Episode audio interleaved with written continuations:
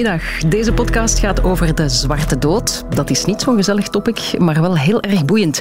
Wat heeft de eerste grote pestuitbraak in de 14e eeuw allemaal veroorzaakt in Europa en hier bij ons in Vlaanderen?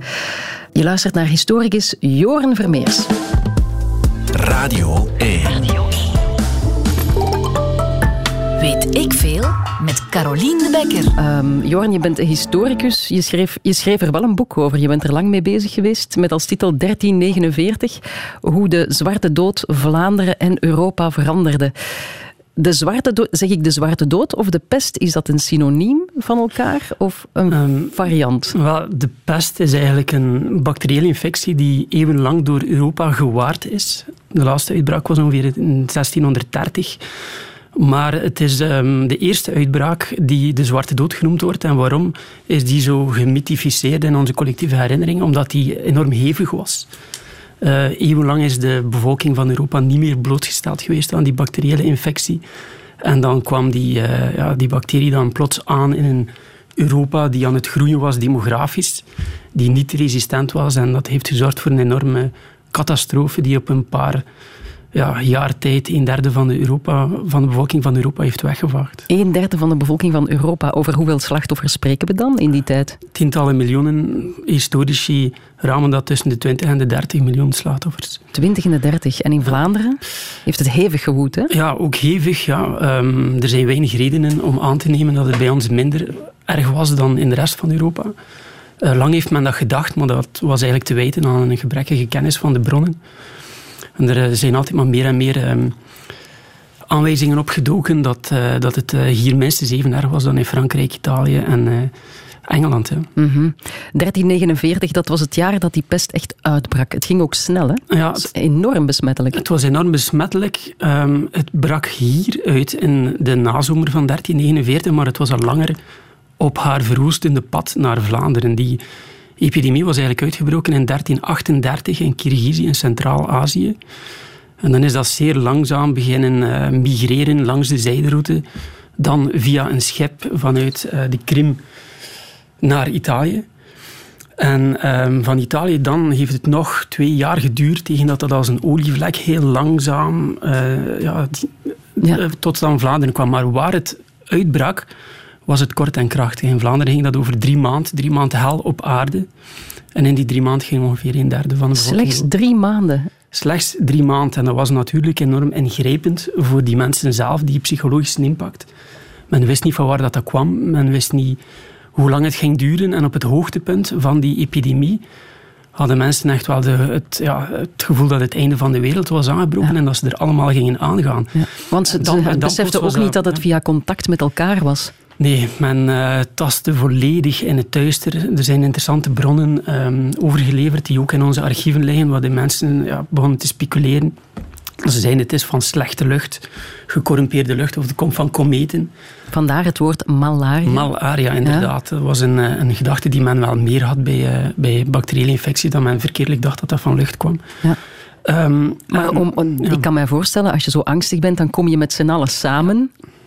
En dan uh, is het hek van de dam natuurlijk. Ja, de paniek, uh, paniek kan mensen veranderen in, uh, in dieren eigenlijk. Ja. dat brengt het beste en het slechtste in de mens naar voren. Mm -hmm. Dus men was echt wanhopig op zoek naar een verklaring. Maar die is pas veel, veel later gekomen, eeuwen pas, later. Ja, die is pas veel later gekomen. En, dus ja, men, men, men zocht eigenlijk een absurde verklaring die in die tijd eigenlijk logisch waren. En wat dacht men dan vooral? Het is een straf van God. En dat is logisch in die zin, omdat de Bijbel vol staat met van die verhalen. Mm -hmm. Dat God eigenlijk een gemeenschap straft omwille van zondig gedrag. Kijk naar de verwoesting van Sodom en Gomorra. En uh, de mensen die kennen ook die verhalen. Hè. De middeleeuwse mens was zeer christelijk. En uh, men is dan gaan vluchten in boetedoening. Fysieke boetedoening. Men is beginnen processies organiseren waarin honderden mensen blootvoets zich al geestelend door de straten beweegden helemaal van Gent, Brugge, Antwerpen, Leuven, Brussel, Nieuwpoort, Yper, te voet naar de religieuze hoofdstad van onze contrée trokken, Doornik, waar dat ze dan een religieuze dans deden rond het lichaam van een gestorven kind die eigenlijk de onschuld van mm -hmm. Jezus symboliseerde. Mm. Om eigenlijk de woede Heel... van God af te smeken via dus het pijnigen van je, van je lichaam. Ja. En massa's creëren daardoor ook nog eens. Dus uh, ja. het ging heel snel. Wat, wat is dat eigenlijk, de pest? Je zegt een bacteriële besmetting. Mhm. hoe, hoe, snel kon zoiets woeden in je lichaam? Hoe snel was je eraan? Was je er altijd aan? Je was eraan binnen een dag of drie. Dus dat begon met een kuchje. Uh, dan kreeg je gezwellen in je liesstreek en je oksel. En uh, ja, drie dagen later ging je dood aan inwendige bloedingen, aan het overgeven van bloed. Dus dat was ook nog eens voor de omwonenden, voor de familieleden die dat overleefden, enorm traumatiseren om dat te zien. Ja, je moet je maar voorstellen, je, je, bent je kind aan het ontkleden en je ontdekt zo'n bolletje en je weet, ja... Het is gedaan. Het is gedaan. Hè. Dus de mensen dan eigenlijk uh, leefden in een, in een, enorm, enorm psychologisch stresserende ja. drie maanden die dan ook zijn uitklep gekend heeft in vreedheden. Ja, men zocht dan eigenlijk ook uh, de, ja, de scapegoat theory. Men ging alles doen om die ziekte te gaan vermijden en uh, dan kwamen de Joden ook in het vizier. Niet alleen in ehm, eh, de rest van Europa, maar ook bij ons. En uh, hoe kwam dat? Wel, die Joden die hadden uh, andere wijken in de stad, die hadden andere waterbronnen. Dat volgde uit de kosher-reglementering. En de roddel ging door, eigenlijk, ja, de, de, de haatzaaierij, predikroddel, dat de Joden de bronnen van de christenen vergiftigd hadden. Ja. En uh, men is dat gaan geloven en dat heeft tot enorme vreedheden geleid. Vanuit ook, ook hier in, in Brussel bijvoorbeeld, heel wat... Heel wat. Honderden, geëxecuteerd. Honderden. Uh, De chroniekschrijvers die maken wacht van 600 um, verbrande Joden. Enkel en alleen in Brussel. Ja. Die op, de, op een geïmproviseerde brandstapel geplaatst werden in, uh, op de grote markt van Brussel. Ja, die vier commissies voor de coronacrisis, dat, was, dat is precies nog niet zo'n slecht idee als je dit hoort. Ja, kijk, uh, ja. lessen trekken uit de geschiedenis is altijd uh, nuttig. Ja, en nu, parallellen trekken met, met, uh, met de pest, dat is een onmogelijke zaak. want dit, dit was van een onnoemelijke omvang. Het gaat over de pest hierin, uh, weet ik veel, over de zwarte dood, om precies te zijn. Um, dat was in de 14e eeuw een regelrechte pandemie, een mondiale epidemie dus, en dat kon toen al. Ja, dat kon toen al. Um, pandemieën die kunnen zich manifesteren bij gratie van globalisatie. Mhm. De huidige corona-epidemie is een klassiek voorbeeld van een globale pandemie die via intensief reizigerverkeer, intercontinentaal verkeer, een mondiale proportie heeft kunnen aannemen. Vroeger, um, voor de 14e eeuw, bestonden er ook al zeer hevige ziektes, maar die waren eigenlijk gelokaliseerd per continent, omdat er te weinig communicatie was tussen de continenten. Mm -hmm. En medio die stierven zelf uit uh, als een bevolking bijna was uitge ja, wel, uitgemoord door Medio 14e eeuw was dat voor het eerst wel opnieuw mogelijk, omdat de Mongolen in die periode het eerste echt intercontinentale wereldrijk gecreëerd die strekte van China tot in Oekraïne. Mm -hmm. Uh, ze hadden daar uh, ja, natuurlijk heel veel vreedheden begaan bij die verovering, maar eens dat Rijk gecreëerd was, hebben ze daar een vorm van Pax Mongolica geïnstalleerd, waarlangs en via de zijderoute werd er eigenlijk ja, heel druk over en weer gereisd tussen China en Europa. Denk aan Marco Polo, denk ook aan, uh, aan Van Ruysbroek, die Vlaamse monnik, die nog lang voor Marco Polo mm -hmm. voor het eerst in China geweest is. En ideeën reizen langs die route, migranten, uh, kennis, maar ook bacteriële infecties en, en, en, ziektes. Ja. van corona wordt wel eens gezegd dat dit uh, virus een, een product is van biologische mhm. oorlogsvoering. Mm -hmm. ja. uh, nu, de zwarte dood werd ook ingezet als moordwapen, waardoor het Europa sneller kon binnensluipen. Hoe, hoe gebeurde dat? Ja, de, inderdaad, dat is een opmerkelijke parallel. de Mongolen die hadden een dispuut met het Byzantijnse Rijk en het Byzantijnse Rijk had een havenstad op de Krim. Um, en de Mongolen die waren uh, die havenstad Jaffa, noemde Kaffa ook wel genoemd, uh, aan het belegeren. En uh, ze waren dat beleg niet aan het winnen. Waarom? Omdat de Zwarte Dood toesloeg in het legerkamp van de Mongolen. tot groot jolijt van de ehm, belegerde mensen, die daarin een, een, teken van God zagen. Maar dat was buiten de legerleider van de Mongolen, Janibek Khan, gerekend. Die heeft enkele van zijn dode strijdmakkers over de muren gecatapulteerd van de stad Kaffa. Die lijken zijn dan eigenlijk uit elkaar gespat op de daken en tegen de kerktorens van die stad. En zo is die bacteriële infectie in alle hevigheid toegeslaan in die ziekte, eh, in die stad. Uh, wat een, met die ziekte is ook de paniek. Wat een vreed beeld. Ja, met die ziekte is ook de paniek toegeslagen. Men is dan hals over kop de galeien eh, beginnen eh, bemannen. En in die stad uh, zaten niet alleen Griekse Byzantijnen, maar zat ook een zeer grote Europese kolonie, omdat dat het begin was van die lange handelsroute, mm -hmm. de, de zijderoute. Dus daar zaten Venetianen, daar zaten Catalanen, daar zaten Genuezen. Ja. En zo, Op die via manier. Die, ja, via die vluchtelingen is het dan zich kunnen verspreiden. Uh, via de havens, via Barcelona, via Marseille, via Messina, via Genoa, via via Venetië. Ja, en dan zitten we terug in uh, eh, 1349. Maar daarna, het is nog lang blijven doorwoeden. Hè. Um, die, dat, was, dat was wel het brandpunt, kan ik dat toch wel mhm. noemen. Maar bijvoorbeeld, en dat wist ik ook niet, de snavelmaskers van de Venetianen, mhm. dat heeft ook te maken met de pest. Ja, inderdaad. Dat waren doktersmaskers, maar dat dateert maar van, eh, van veel later. Die geestel van de zwarte dood, eigenlijk de, de Yersinia pestis bacterie, die is al heel lang op aarde. Uh, er zijn al uitbraken gekend van in de bronstijd. Er zijn ook uitbraken gekend in het Romeinse Rijk, de Justiniaanse pest, die enorm verwoestend was. Uh, en die bestaat tot op de dag van vandaag, want de laatste uitbraak was in november vorig jaar in Oost-China. Uh -huh. Weinig mensen weten dat, omdat de Chinese overheid dat volledig heeft proberen af te blokken via censuur. Um, in Europa heeft die maar het is wel te behandelen, want sinds ja, penicilline... ja, sinds, sinds, penicilline. Maar in Europa heeft die ziekte met, met herhaalde tussengolven, echo-epidemieën, eigenlijk goed tot 1630. Ook in steden zoals Venetië. En Venetië is natuurlijk een kleine, compacte stad. Mm zij hebben al zeer snel, eigenlijk al in de 14e eeuw, strategieën ontwikkeld om die pandemie uh, te gaan indammen. Uh, via quarantaine. Men heeft eigenlijk een eiland vrijgemaakt in de lagune, het Lazaretto, waar in geval van een uh, uitbraak van de pest reizigers een, een, een 40 dagen moesten verblijven. En als ze die 40 dagen overleefden, toen konden ze de stad betreden. Vandaar quarantaine, dat verwees naar die 40 dagen. Ja, dat is nu pas in de 17e eeuw, maar in de 14e eeuw wist men van toeten of blazen. En dan zit je daar, hè, de dood trok door Vlaanderen. Een derde is weggemaaid. Um, genoeg bewijsmateriaal te vinden dat het heel erg was. Mhm. Iedereen moest eraan. Arm, rijk, stad, platteland. Mm het, was, het was overal. En in de Brugse archieven vind je daar heel veel van terug. Uh, ja, daar vind je heel veel van terug. Omdat wij rijke um, archieven hebben van verschillende instanties. Um, kerkelijke instanties, maar ook hospitalen. Brugge heeft enkele van de oudste hospitalen ter wereld. Ja. Sint-Jan en uh, Potterie, die archieven zijn integraal bewaard. We merken daarin dat uh, het verplegend personeel eigenlijk integraal bezweken is aan die, aan die epidemie. Ah, een applaus was niet meer nodig, ze waren er, ze waren allemaal weg. ze waren allemaal weg, maar het applaus is toch nog nodig, omdat men blijven verder gaan is met de dienstverlening. Dus men is daar niet in paniek ontstoken en weggevlucht en de zieken in de steek gelaten. Nee, men is gewoon blijven zorgen voor de mensen. En zorgen voor die mensen, eigenlijk moet je dat reduceren tot uh, een waardig sterven. Hè. Een zuster die bij je zit, die je hoofd wat dept met koel water en een priester die de sacramenten geeft. Daar ging dat zorgen eigenlijk over.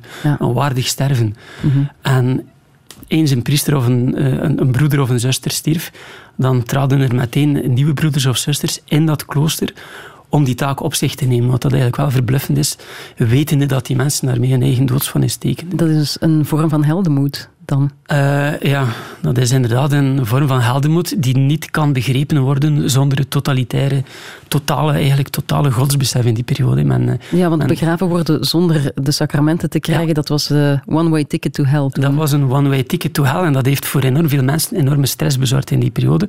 Want er was zodanig hoge sterfte onder de priesters. Dus de priesters die deden de ziekenzalving, die waren natuurlijk de eerste om te sterven. En uit onze archieven blijkt ook dat er vanaf september 1349, dus het is begonnen in Vlaanderen in augustus 1349, september 1349 niet meer genoeg priesters over waren.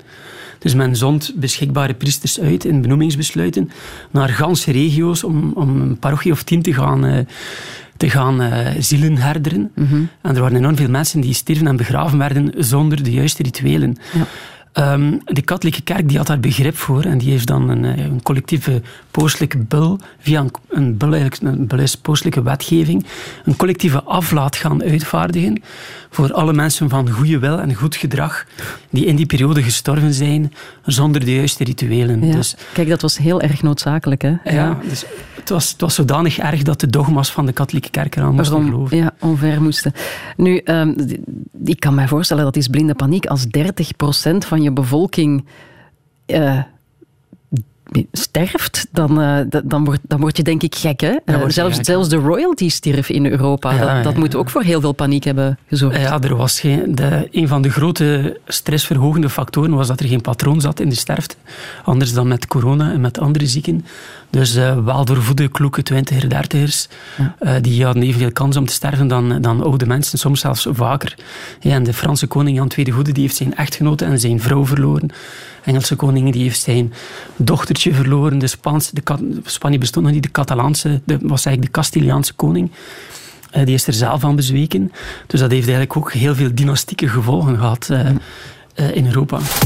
Weet ik veel? Je luistert naar Weet ik veel. Het gaat over de zwarte dood. Um, Joran Vermeers, historicus, je hebt er een boek over geschreven. Ik was daar net met Evert hè, tijdens het vorige programma even aan het praten van ja, zouden er parallellen te trekken zijn met het coronavirus. Uh, ik vond dat een beetje gênant, want het coronavirus heeft dan ook niet zoveel doden gemaakt ten opzichte van de pest. Hoe kijk jij daarnaar? Um, goh, ja, inderdaad. Qua sterftegraad is er geen enkele, geen enkele vergelijking mogelijk. Nee. Uh, zijn er parallellen? Ja, een paar. Ja. Eh, zoals we het daarnet al zeiden, die, uh, de rol van de globalisatie daarin, het internationale verkeer. Mm. Um, de pest heeft er jaren over gedaan om tot in Europa te geraken. Ja. Bij ons was dat nu wel een pak sneller natuurlijk. Ja, het gaat alsmaar sneller. Het gaat alsmaar sneller. Ja. Maar een interessante vraag. Uh, je, je vertelde daarnet over hoe mensen daarmee omgingen toen in de tijd. Hoe, hoe zou de moderne mens daarmee omgaan? Moest een derde plots weggewaaid worden of weggemaaid en je weet niet hoe je daarmee moet omgaan? Je, je hebt geen geen dat is, dat, vaccin. Ik, ja, ik vind dat enorm fascinerend. Ik heb daar dikwijls ook aan moeten denken als ik die uh, perkamenten uit die periode, uit die verwoestende maanden uh, in mijn handen had. En dan dacht ik bij mezelf van, hoe heeft deze klerk die dat hier opgeschreven heeft, hoe ging die daar mentaal en psychologisch mee om? Mm -hmm. Want misschien had hij die ochtend zelf zijn kind begraven. Hè. Mm -hmm. Er zijn bijvoorbeeld chronieken bekend. Uh, Angelo Di Tura, een chroniekschrijver uit Siena, die zijn vijf kinderen met zijn eigen handen begraven had. En hij schrijft in zijn chroniek dat hij, dat hij eigenlijk smeekte aan God om zelf ook te mogen sterven, omdat hij het mentaal niet meer aankon. Ja. Um, en die vraag is enorm prikkelend. En dan denk ik na van ja, kijk, mensen blijven mensen overheen alle tijdperken en culturen met een positieve en slechte kanten. Maar de mentale mindset en de, de culturele mindset en ook de maatschappelijke context waren toch wel fundamenteel anders dan vandaag op eigenlijk drie manieren. Eerste manier, men dacht collectivistischer, men had minder dat individualistische bewustzijn dat wij nu hebben. -hmm. Twee, men was enorm, men was eigenlijk meer gehard tegen verlies, omdat de middeleeuwse mens die werd veel vaker en vooral op onverwachtere momenten geconfronteerd met verlies. Denk aan de enorme kraamsterfte, de kindersterfte, die niet iets was van baby's, maar uh, ook, uh, ook kinderen van 10 of 12 jaar tot aan je puberteit kon je, kon je veel makkelijker sterven aan een infectieziekte, bacteriële infectie. Dus uh, blinde, darm, psychologisch... blinde darmontsteking bijvoorbeeld. Hey, ja. 30 jaar die blinde darmontsteking krijgt, was gedaan. Hè. -hmm. uh, en dat zorgde voor een zekere gehardheid, een zekere relativering van het gegeven van de dood. Dat merk je ook aan het feit dan hoe snel dat mensen hertrouwden en opnieuw aan een nieuw gezin begonnen. Ja, dus men bleef niet bij economische de noodzaak. Ja, men bleef niet bij de pakken zitten door ja. die economische... Je moest eigenlijk de hand aan de ploeg slaan. En dan het derde aspect, die toch wel enorm belangrijk is, is het religieuze aspect. Men had een totaal godsbesef. Men beschouwde het leven op het ondermaanse, dus op aarde, als eigenlijk een tijdelijke periode. Uh, een transitieperiode en in het eeuwige leven, uh, de, de, ja, de klemtoon eigenlijk op het, uh, op het leven na de dood. Mm -hmm. En het leven voor de dood was een periode waarin je door goede werken je zielenheil moest verdienen. Niet alleen van jezelf, maar ook van je overledene familieleden. Zeer belangrijk om dat te gaan, om te, te na, na, te denken hoe dat de middeleeuwse mens dacht. Omdat een normale mens dus niet een heilige, voordat hij naar het paradijs kon, eerst een aantal jaren, soms tientallen jaren, soms honderden jaren moest rondwalen door het vagevuur, het purgatorium, ja. waar je al terecht kwam voor enorm kleine zonden zoals edelheid en luiheid ja, en zo verder. Dat godsbesef was zeer nuttig, uh, niet enkel evolutionair, maar ook om de maatschappij uh, te lijmen. Ja, ja want, want heeft, die, ja. die, die, maatschappij bleef ook gewoon draaien en dat is zo absurd. Een derde van die bevolking sterft en die maatschappij blijft doordraaien in blinde paniek. Ja, door die drie factoren. Hè. Ja. En die, eh, vooral dat, dat godsbesef, dat heeft mensen eigenlijk de angst voor de dood kunnen doen overwinnen. Maar over dat, eh, dat, dat, eh, dat godsbesef dat eigenlijk totaal was, wil ik ook wel nog zeggen, het was zelfs totalitair in die mate dat het ook voor enorm veel stress zorgde voor de mensen. Hè.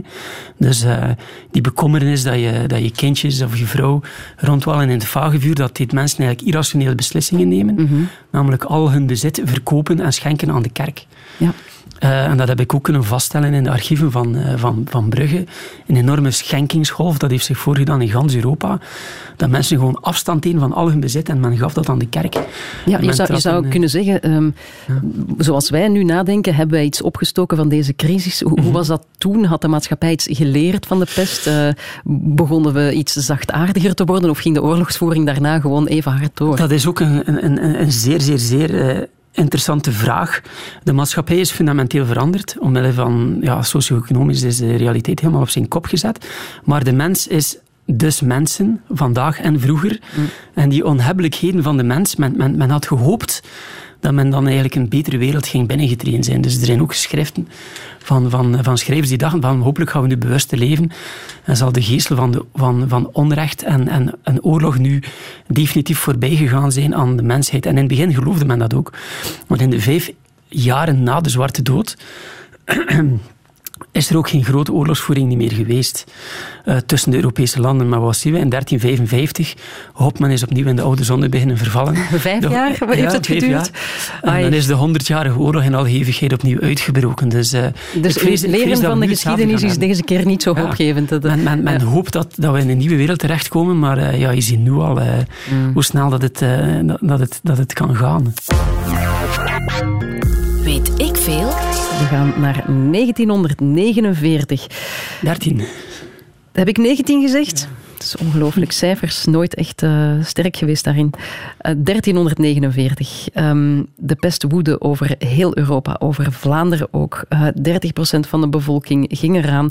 En dan verschuift er economisch heel wat. Hè. Laat ons eens beginnen met het, uh, op het platteland, Joran Vermeers. Wat gebeurde daar? Um, ja, eigenlijk een maatschappelijke revolutie. Hè, omdat in de mm, decennia en eeuwen voor de Zwarte Dood had je een sterke aangroei gehad van de plattelandsbevolking. Waardoor dat er eigenlijk een situatie van overbevolking was. En dat is natuurlijk goed voor de adel, ja. die uh, lage lonen kan uh, uitkeren, lage pachtprijzen vooral. Mhm. En dat is helemaal veranderd met uh, de Zwarte Dood. Plots moesten die edellieden zelf gaan zoeken achter pachters, omdat ja, een derde van de pachthoeven was eigenlijk vrijgekomen. En de kleine mens is zich daar bewust van geworden. En die is beginnen weglopen, die is beginnen verhuizen om een nieuwe pachtprijs te kunnen onderhandelen. En die zijn op tafel gaan slaan. Ja, die zijn op tafel gaan slaan voor het eerst in de geschiedenis. Want voordien moest je daar zelfs niet aan denken, omdat er twintig andere boeren in de rij stonden om, je, om die pacht eh, over te nemen. Ja. En dat heeft gezorgd voor een halvering van de pachtprijzen op een tijdspanne van enkele jaren in Vlaanderen, wat dat eigenlijk een fatale klap was voor, uh, voor de adel, een enorme economische klap voor de adel, die ook hun politieke gezag enorm aangetast heeft. Ja, want je had alleen de adel en dan de, ja, de, de, boeren. De, de, opkomst die kregen van een nieuwe stand in Vlaanderen, de, de, de herenboer die dan ook een belangrijkere rol gaan spelen is. Is dat een soort van middenstand dan? Kan ik het zo bekijken? Toch wel, ja. Mensen die ook een eigen zelftrots en ethiek gaan, eh, gaan eh, creëren zijn. Hè. Ja. Nu, als we naar de steden gaan, dan zien we een heel ander beeld. Dan zien we iets helemaal anders, omdat uh, in de steden die lagen de lonen eigenlijk vast in allerlei ambachtskeuren die goedgekeurd werden door de schepenbank. Wie zat daarin? De, in de schepenbank de mensen die de lakens uitdeelden. Dus de meesterwevers die eigenlijk die eh, internationale handel van het textiel... Ah, dus letterlijk de lakens, dat, komt daar vandaan? dat, komt, dat komt daar vandaan. En die hadden natuurlijk geen zin om die lonen te gaan aanpassen. En dat was enorm uh, frustrerend en erg voor de kleine man, dus de gezellen uh, in die ambachten, omdat er in gans Europa en ook in Vlaanderen een enorme inflatie de kop opstak. De prijzen verdubbelden, verdriedubbelden op een termijn van enkele jaren. Hoe komt dat? Dat komt uh, omwille van um, verschil, eigenlijk een abstracte economische wetmatigheid. Eigenlijk. Als de geldhoeveelheid stijgt per hoofd van de bevolking, dan heb je natuurlijke inflatie. Omdat er zoveel mensen zijn gestorven. Werd er, kwam er meer geld vrij per, per hoofd per van de bevolking. Ja. En ja, het geld was toen een reflectie van de waarde van het edelmetaal uh, vervat in de munten. Ja.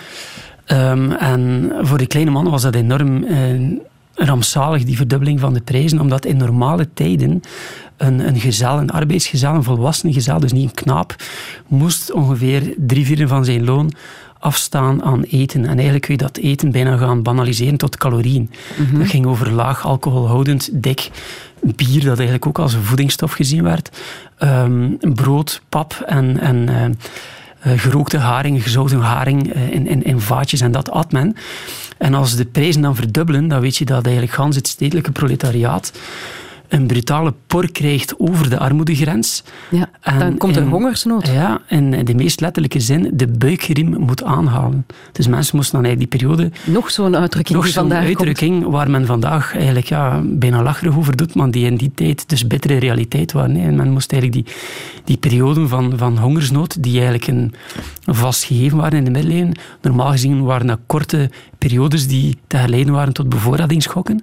Maar na de Zwarte Dood was dat een periode van een jaar en een jaar en een half, Ja. die te wijten was aan die enorme inflatie. Ja. Dus de, dat de voor- boeren hadden het wel beter, De maar de hadden het arbeiders beter, maar hadden de het... eh, arbeiders hadden, het, eh, hadden een zeer kwaaie tijd, wat geleid heeft tot eh, enorme opstanden en sociale onrust in de steden van Vlaanderen. Ja, en die onrust moest neergedrukt worden. Ja. Want eh, ja, de vorsten maakten het zelf ook nog eens erger. Eh, Vorsten maakten het erger omdat hun, hun inkomsten kwamen eigenlijk uit die eh, landopbrengsten die ehm, gehalveerd waren.